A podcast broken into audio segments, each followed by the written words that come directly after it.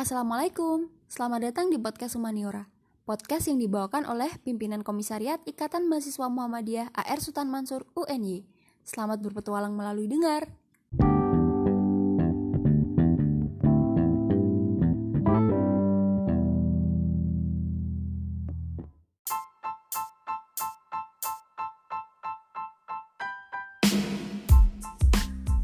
bener jem.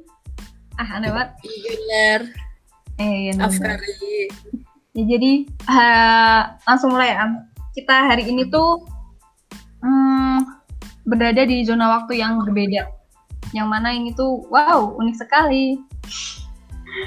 Karena saat ini saya yang biasanya ngisi podcast IMM lagi udah jam 7 hampir jam 8 malam dan sekarang narasumber kita itu lagi jam 4. Empat. Yes. Ya, Jam 3.55. jam 3.55. Hampir jam 4 pa- 4 sore. Wah, oke. ini zona waktunya berbeda. Ini susah loh BTW janjian sama Umi Amara Ih, Umi. Canda Zayeng. Um, ya soalnya ya ginilah LDR tau. Eh, jadi mau nanya-nanya, Woi nanya-nanya. Kamu sadar nggak sih kemarin tuh habis Hari Perempuan? Sadar dong pasti. Hari Perempuan sedunia ya. Eh kemarin ini nggak kayak di Turki gitu ada perayaan gitu nggak sih? Apa? Kalau di Turki pas kemarin Hari Perempuan Internasional tuh lebih ke ini sih Af kayak apa ya poster-poster gitu poster tokoh mus eh tokoh muslim tokoh perempuan yang Hmm. lebih ke arah sana sih kalau misalkan event sebenarnya nggak terlalu tahu sih tapi emang lebih banyak nih yang eh, Instagram Instagram aktivis aktivis buat apa ya yang aktivis pemerjuang kesetaraan gitu yang kayak lebih ini kita nggak pengen bunga kita tuh pengen kesetaraan yang gitu-gitu Oh. yang ada semangat semangat gitu gitulah Mm-mm. Iya sih. Kalau kayak kalau maksud tuh kayak kalau di Indonesia gitu kan biasanya terus ada itu loh am yang kayak demo-demo gitu-gitu loh. Yang di jalan gitu-gitu kan. Terus kayak kita ingin kesetaraan. oh ya pokoknya gitu gitu. You know Kalau demo ya, kalau demo sebenarnya enggak sih, karena di sini buat ngedemo tuh sebenarnya termasuknya susah ya. Di sini kan Turki negara demokratik, demokrasi, tanda kutip gitu kan. Maksudnya kalau misalnya mau bikin demo-demo gitu termasuknya susah sih nggak kayak di Indonesia yang bebas banget kan di Indonesia be- bebas ya kalau misalkan mau bikin demo apa kayak hal kecil pun bisa didemoin gitu tapi di Turki tuh nggak bisa kayak gitu Ah. baik anaknya mahasiswa mahasiswinya tuh yang gitulah kalau demo pun biasanya ketika kayak kemarin bukan demo sih tapi lebih ke protes yang misalkan kayak Uighur memperjuangkan Uighur atau enggak apa gitu-gitu kalau emang udah kasusnya tuh yang sangat gimana ya kayak berat banget gitu loh mendunia gitu Oh, kalau yang kasus-kasus gede kayak gitu kayak biasa aja gitu. Demo-demo pada demo. Mm, mm, tapi kalau hal yang kalau misalkan berkaitan sama pemerintah enggak sih enggak demo-demoan Oh, nggak sem- nggak semudah itu gitu. Ya menarik tau. Tadi kan kamu bilang eh, di Turki tuh kayak nggak, eh, maksudnya demokratik dalam tanda kutip gitu ya. Tapi padahal kayak di Indonesia, di Indonesia tuh kayak eh, sometimes lagi dikritik gitu soal kebebasan berpendapatnya kayak di era-era ini kayak gitu. Unik sih, maksudnya kayak ketika kamu tuh kayak di situ kamu bilang kalau di Indonesia kan lebih mudah ya demo ini. Padahal kayak di sini kayak lagi dikritik. Kenapa aku bisa bilang di Indonesia lebih gampang buat demo karena eh, masyarakatnya terus apa ya orang-orangnya tuh bisa gitu loh lebih lebih sih apa ya lebih fleksibel gitu kalau misalkan di internet ngomong sesuatu kalau enggak ini cara mengumpulkan massa buat demo tuh lebih mudah gitu misalkan lewat IMM lewat BEM lewat organisasi anak mahasiswa mahasiswi lah. Tapi di situ bukan kayak gitu kulturnya. Kalau misalkan mereka mau demo itu kayak wih apa ya pertama udah ini kayak pemerintah tuh langsung mewanti-wanti banget gitu loh. Ini demonya siapa yang nunggangin siapa terus orang-orangnya gimana gitu gitu karena buat demo tuh emang pertama mengumpulkan masanya nggak gampang nggak kayak di Indonesia. Orang Indo kan misalnya mau demo ngerakin mahasiswa gak ini ya kayak solid lah tapi di sini nggak kayak gitu terus sama juga khawatir sama pemerintah yang yang gitulah pokoknya. Oh, Jadi apa makanya- atau ini ya, kayak preventif sama yang dulu juga. Apa pas zaman ada lima hari itu kan? kita itu. Heeh. mungkin, Mungkin juga Mm, bisa sih itu juga bisa gitu. Mungkin ada nggak tahu ya aku sebenarnya gimana tapi mungkin ada salah satu faktornya seperti itu. Terus pernah nih Af eh, sa- ini berkaitan sama perempuan ya. Kasusnya tuh ada satu seorang cewek namanya Pinar Gultekin kalau nggak salah. Pinar Gultekin. Dia itu dibunuh sama mantan pacarnya. Terus dibunuh dimasukin ke kayak tong gitu loh. Tong apa ya? Tong gas apa apa gitu aku nggak tahu. Nah di Turki itu kekerasan terhadap perempuan tuh termasuknya tinggi. Baik itu terhadap pacarnya ataupun terhadap ini kayak kekerasan rumah tangga gitu loh. Dan karena satu cewek itu namanya si Pinar Gultekin itu akhirnya perempuan-perempuan Turki itu aktivis feminis juga itu mereka protes di Istanbul waktu itu terus kayak menyuarakan kalau mis- hari ini Pinar Gultekin besok kamu besok aku kemudian kamu polis abla kayak apa Oh, tahu, tahu. gitu ya. itu yang jadi kayak kayaknya itu viral deh am kayak yang di Iya, ini iya, kan invite foto itu kan Heeh, heeh. nah ya itu viral tau sampai Amerika aku kan dulu kan ada zaman kita aliyah itu kan ada ini apa yang dari Amerika tuh loh yang volunteer. Karena aku follow followan sama dia. Dia juga ngepost satu black and white. Berarti kan maksudku pas gara-gara kasus itu campaign tentang apa kayak kesadaran ya tentang kekerasan kayak gitu awarenessnya sampai Amerika. Gara-gara yang kayak gitu. Bener terus ada juga satu eh, satu contoh kasus lagi ya itu dia tuh istri gitu kan. Istrinya ibunya ini lagi pergi sama anaknya lah ke sebuah toko di publik.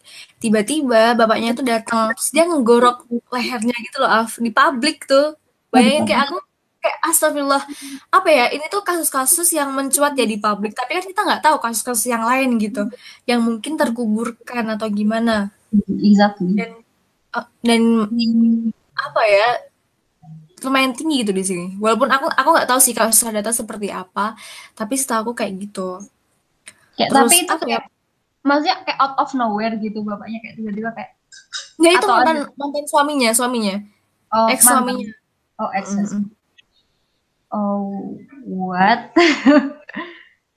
Tapi kayak it makes me realize on how kayak sebenarnya em, apa ya ya itu mungkin relasi kuasa di beberapa tempat itu masih ini tuh kayak di laki-laki banget gitu.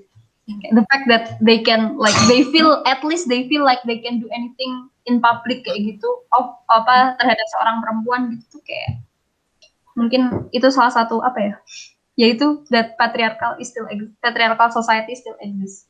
I guess. Iya, I think so.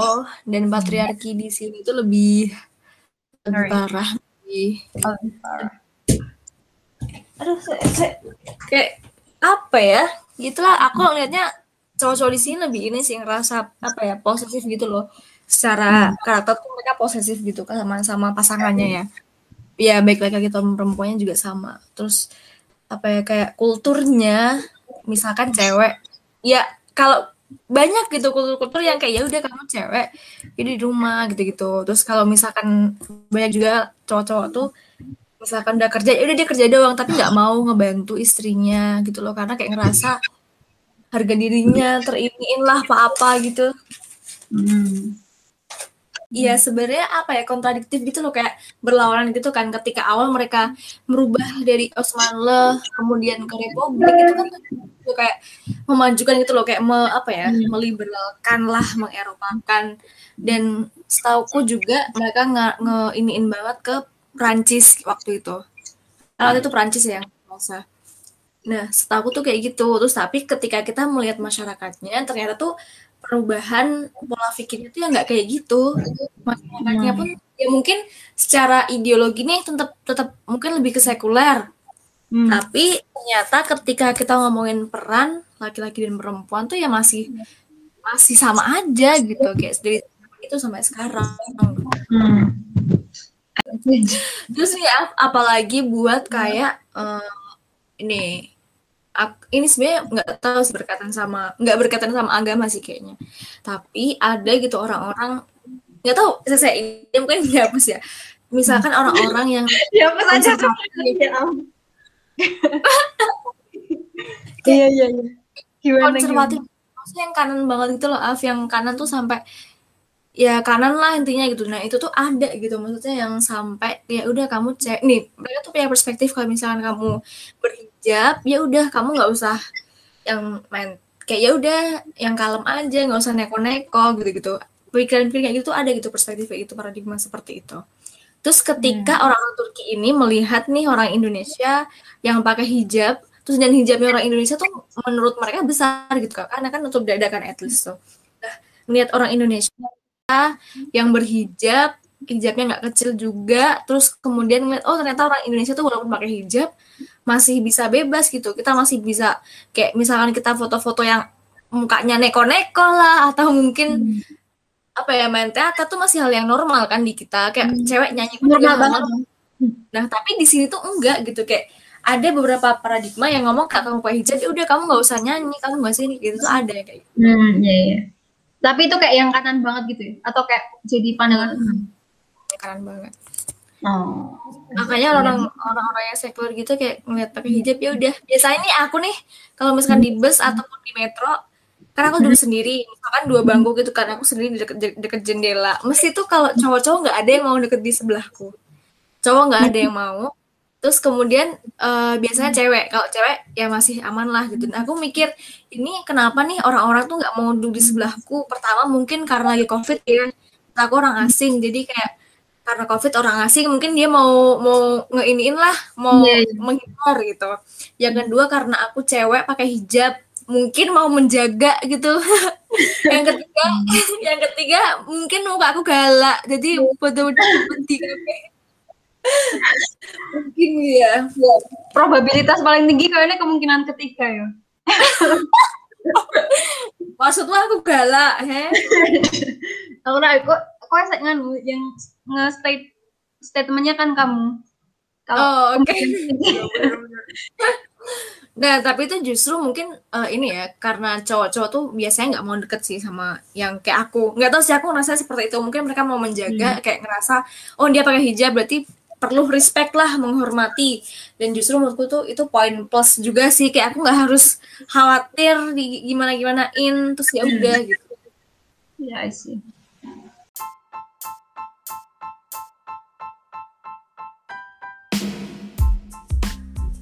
Jadi kan aku sekarang lagi, lagi menerima lagi ada ada ini kan tanggung jawab di PPI gitu kan sebagai kadif gitu. Nah terus eh, bidangku itu bidang kerohanian.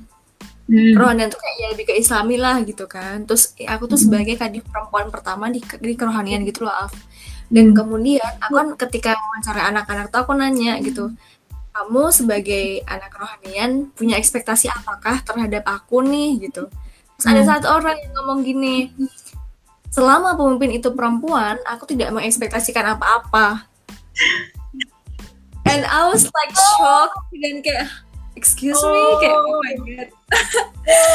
itu kayak nggak boleh sebut nama ya. Oke. dan aku merasa oh my god. Wow, ternyata ada nih pikiran seperti ini selama pemimpinnya perempuan aku tidak berekspektasi apa-apa.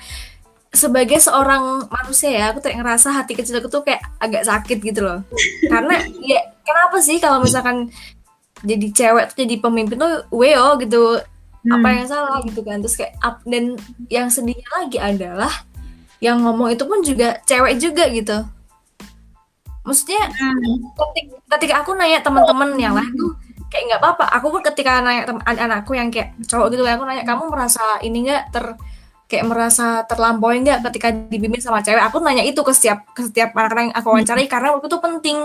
Kalau misalkan dia merasa dia merasa terlampaui atau mungkin merasa kayak harga dirinya diinjak itu kan ya termasuk apa ya warning juga gitu loh nah ketika satu satu orang ini ngomong seperti itu kayak aku langsung wow ternyata banyak juga ya perspektifnya tuh beda-beda banyak juga perspektif-perspektif dunia ini gitu dan Hmm, jadi aku nggak nggak- apa ya backklaim ya dim eh backklaim ya dim tuh aku nggak menunggu jawab nggak nggak expect Dim. jawaban Hmm. Terus kamu kayak menanggapinya gimana? Kayak oh ya udah gitu atau kayak no way kayak Iya, kalau misalnya aku ketika itu nggak mungkin lah ya. Kayak aku ah itu enggak, aku lebih ke oke okay, lebih mencoba untuk memahami gitu. Kok bisa sih dia berpikir seperti ini? Gitu. Mungkin ya mungkin dia kayak uh, tetap ini sih lebih ke ya cowok tuh lebih baik pembinya cowok gitu. Mungkin kayak gitu. Sebenarnya nggak apa sih pandangan seperti itu. Cuman aku ngerasa kok jadi kalah start gitu kita sebagai perempuan. Mm -mm. Dan ini sih kayak you know kayak apa kalau misalnya yaitu kalah start tadi sama kayak dari sejak kapan kayak aku jadi mikir dulu sejak kapan sejak penciptaan manusia eh sejak proses manusia di zaman kapan kita tuh perempuan tuh jadi kayak kalah start gitu aku tuh penasaran tapi belum baca baca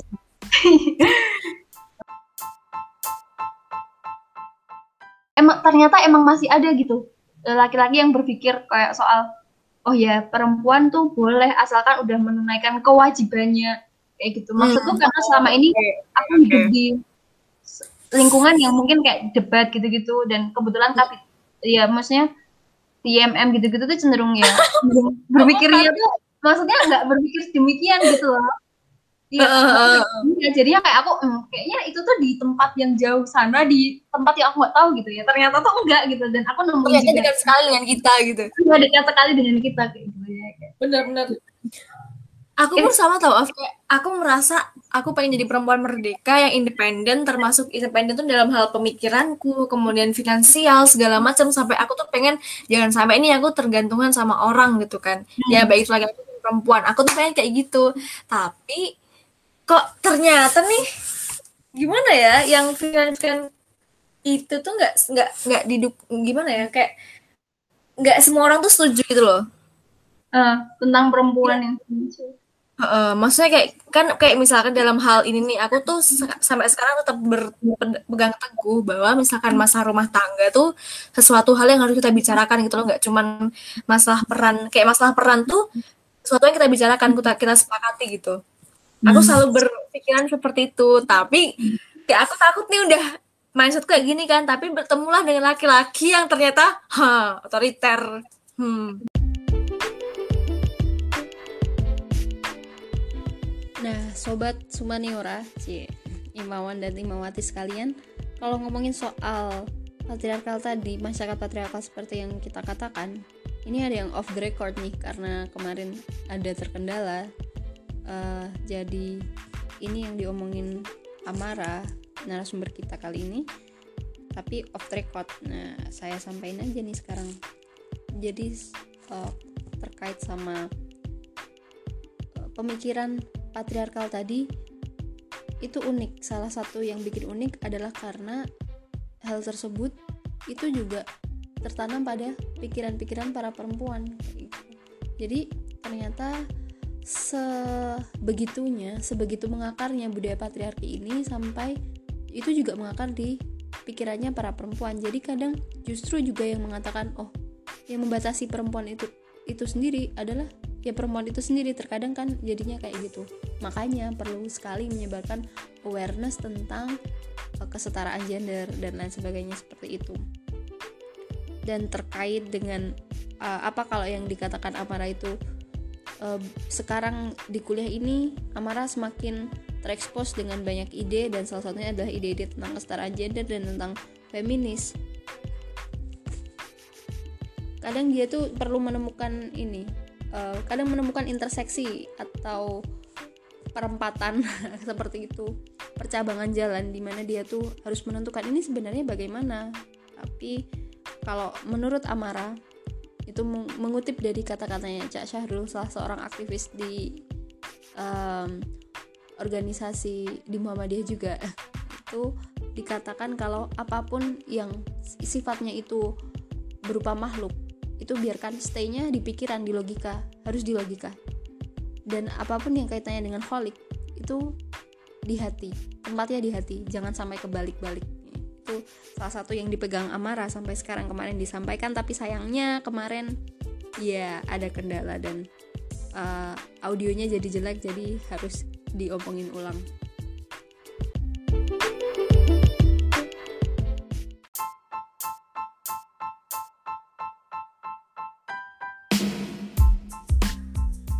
Oke, sekian dulu untuk podcast kita kali ini. Terima kasih kepada teman-teman yang sudah mendengarkan. Semoga bermanfaat dan bisa mengambil hikmah dari podcast uh, Sumaniora. Terima kasih kepada Amara yang udah jauh-jauh dari Turki dan mau meluangkan waktunya buat jadi narasumber di podcast Sumaniora. Tapi juga terima kasih kepada satelit karena tanpa satelit kayaknya nggak bisa jadi kolaborasi jarak jauh kayak gini ya. Oke, sekian dari kami Fastabikul Khairat. Wassalamualaikum warahmatullahi wabarakatuh.